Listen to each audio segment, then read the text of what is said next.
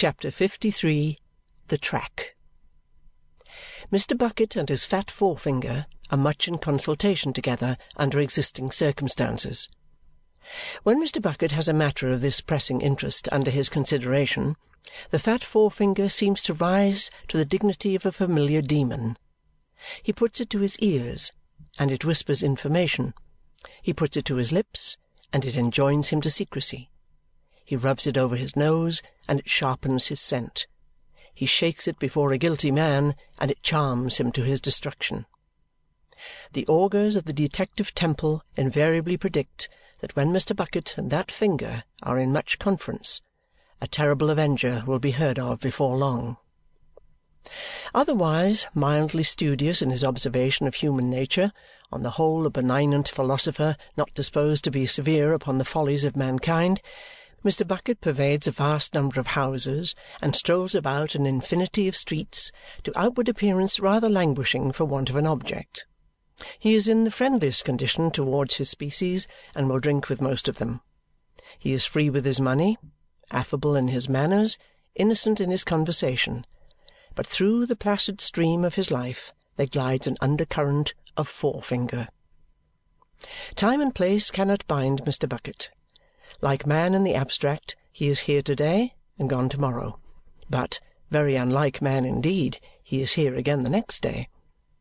This evening he will be casually looking into the iron extinguishers at the door of Sir Leicester Dedlock's house in town, and to-morrow morning he will be walking on the leads at Chesney Wold, where erst the old man walked whose ghost is propitiated with a hundred guineas. Drawers, desks, pockets, all things belonging to him, Mr. Bucket examines. A few hours afterwards he and the Roman will be alone together comparing forefingers. It is likely that these occupations are irreconcilable with home enjoyment, but it is certain that Mr. Bucket at present does not go home. Though in general he highly appreciates the society of Mrs. Bucket, a lady of a natural detective genius, which, if it had been improved by professional exercise, might have done great things, but which has paused at the level of a clever amateur. He holds himself aloof from that dear solace. Mrs. Bucket is dependent on their lodger, fortunately an amiable lady in whom she takes an interest, for companionship and conversation. A great crowd assembles in Lincoln's Inn Fields on the day of the funeral. Sir Leicester Dedlock attends the ceremony in person. Strictly speaking, there are only three other human followers, that is to say, Lord Doodle, William Buffy, and the debilitated cousin, thrown in as a make-weight, but the amount of inconsolable carriages is immense. The peerage contributes more four-wheeled affliction than has ever been seen in that neighbourhood. Such is the assemblage of armorial bearings on coach panels that the Herald's College might be supposed to have lost its father and mother at a blow. The Duke of Foodle sends a splendid pile of dust and ashes, with silver wheel boxes, patent axles, all the last improvements, and three bereaved worms, six feet high, holding on behind in a bunch of woe. All the state coachmen in London seem plunged into mourning and if that dead old man of the rusty garb be not beyond a taste in horseflesh, which appears impossible, it must be highly gratified this day. Quiet among the undertakers and the equipages and the calves of so many legs, all steeped in grief, Mr. Bucket sits concealed in one of the inconsolable carriages and at his ease surveys the crowd through the lattice blinds. He has a keen eye for a crowd, as for what not? And looking here and there, now from this side of the carriage, now from the other, now up at the house windows, now along the people's heads, nothing escapes him. "And there you are, my partner, eh?" says Mr. Bucket to himself, apostrophizing Mrs. Bucket, stationed, by his favour, on the steps of the deceased's house. "And so you are, and so you are, and very well indeed you're looking, Mrs. Bucket. The procession has not yet started, but is waiting for the cause of its assemblage to be brought out. Mr. Bucket, in the foremost emblazoned carriage, uses his two fat forefingers to hold the lattice a hair's breadth open while he looks. And it says a great deal for his attachment, as a husband, that he is still occupied with Mrs. B. "There you are, my partner, eh?" he murmuringly repeats, "And our lodger with you. I'm taking notice of you, Mrs. Bucket. I hope you're all right in your health, my dear." Not another word does Mr. Bucket say, but sits with most attentive eyes until the sacked depository of noble secrets is brought down. Where are all those secrets now? Does he keep them yet? Did they fly with him on that sudden journey? And until the procession moves and Mr. Bucket's view is changed, after which he composes himself for an easy ride and takes note of the fittings of the carriage in case he should ever find such knowledge useful. Contrast enough between Mr. Tulkinghorn, shut up in his dark carriage, and Mr. Bucket shut up in his. Between the immeasurable track of space, beyond the little wound that has thrown the one into the fixed sleep which jolts so heavily over the stones of the streets, and the narrow track of blood which keeps the other in the watchful state expressed in every hair of his head. But it is all one to both. Neither is troubled about that. Mr. Bucket sits out the procession in his own easy manner and glides from the carriage when the opportunity, he has settled with himself, arrives.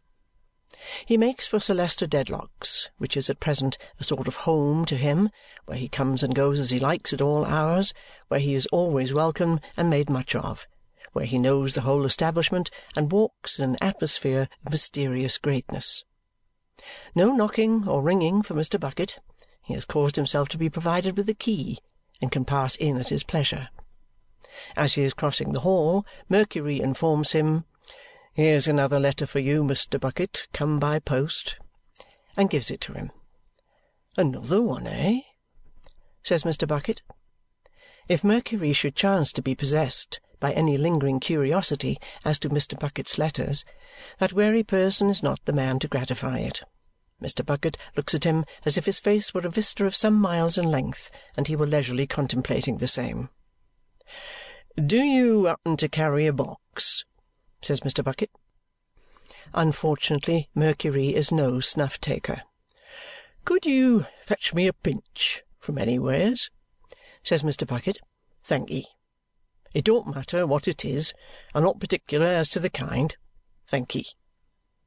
Having leisurely helped himself from a canister borrowed from somebody downstairs for the purpose, and having made a considerable show of tasting it, first with one side of his nose and then with the other, Mr. Bucket, with much deliberation, pronounces it of the right sort and goes on, letter in hand.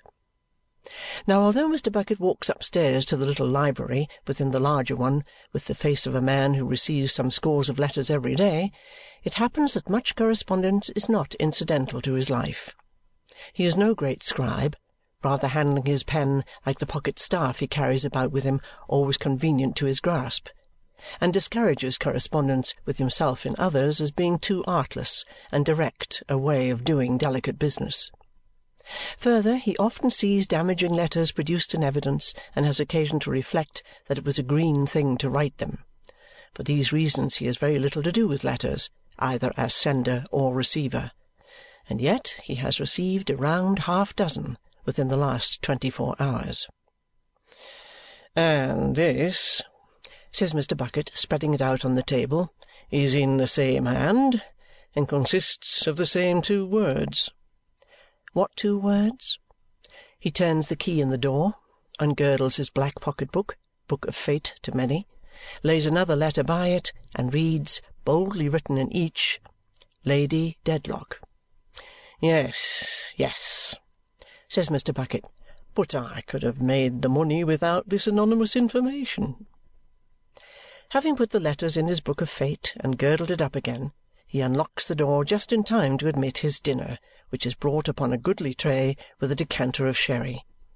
Mr. Bucket frequently observes, in friendly circles where there is no restraint, that he likes a toothful of your fine old brown East Inder sherry better than anything you can offer him.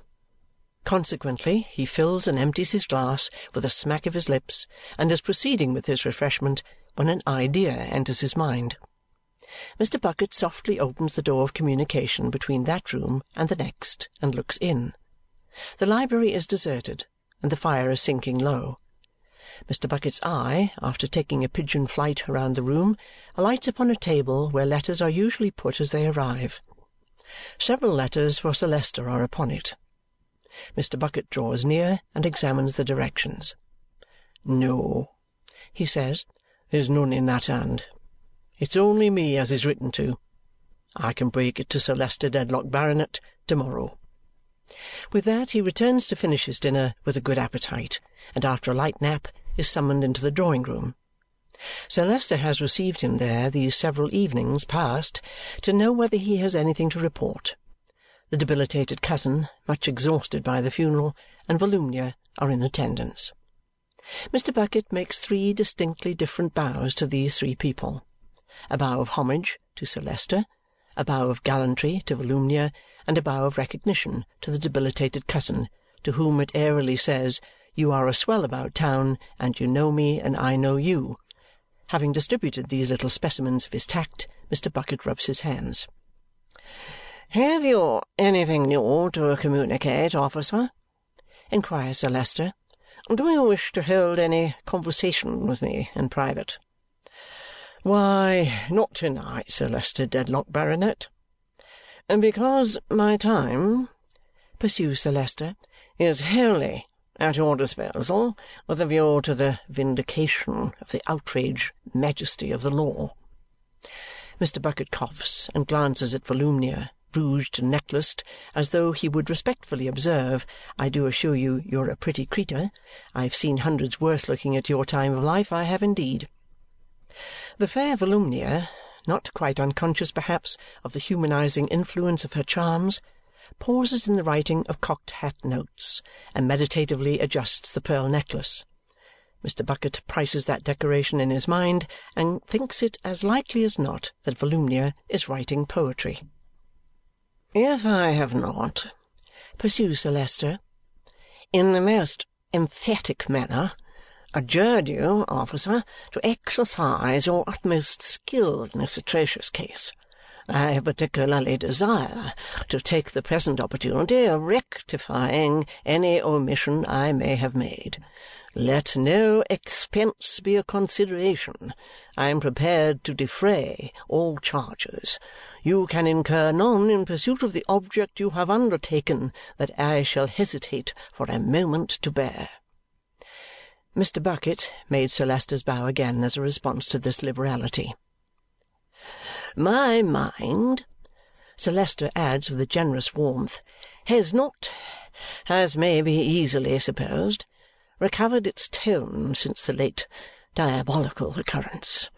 It is not likely ever to recover its tone, but it is full of indignation to-night after undergoing the ordeal of consigning to the tomb the remains of a faithful, zealous, devoted adherent." Sir Leicester's voice trembles and his grey hair stirs upon his head. Tears are in his eyes. The best part of his nature is aroused. "I declare," he says, "I solemnly declare that until this crime is discovered and, in the course of justice, punished, I almost feel as if there were a stain upon my name a gentleman who has devoted a large portion of his life to me, a gentleman who has devoted the last day of his life to me, a gentleman who has constantly sat at my table and slept under my roof, goes from my house to his own and is struck down within an hour of his leaving my house. I cannot say but that he may have been followed from my house watched at my house, even first marked because of his association with my house, which may have suggested his possessing greater wealth and being altogether of greater importance than his own retiring demeanour would have indicated. If I cannot, with my means and influence and my position, bring all the perpetrators of such a crime to light, I fail in the assertion of my respect for that gentleman's memory and of my fidelity towards one who was ever faithful to me.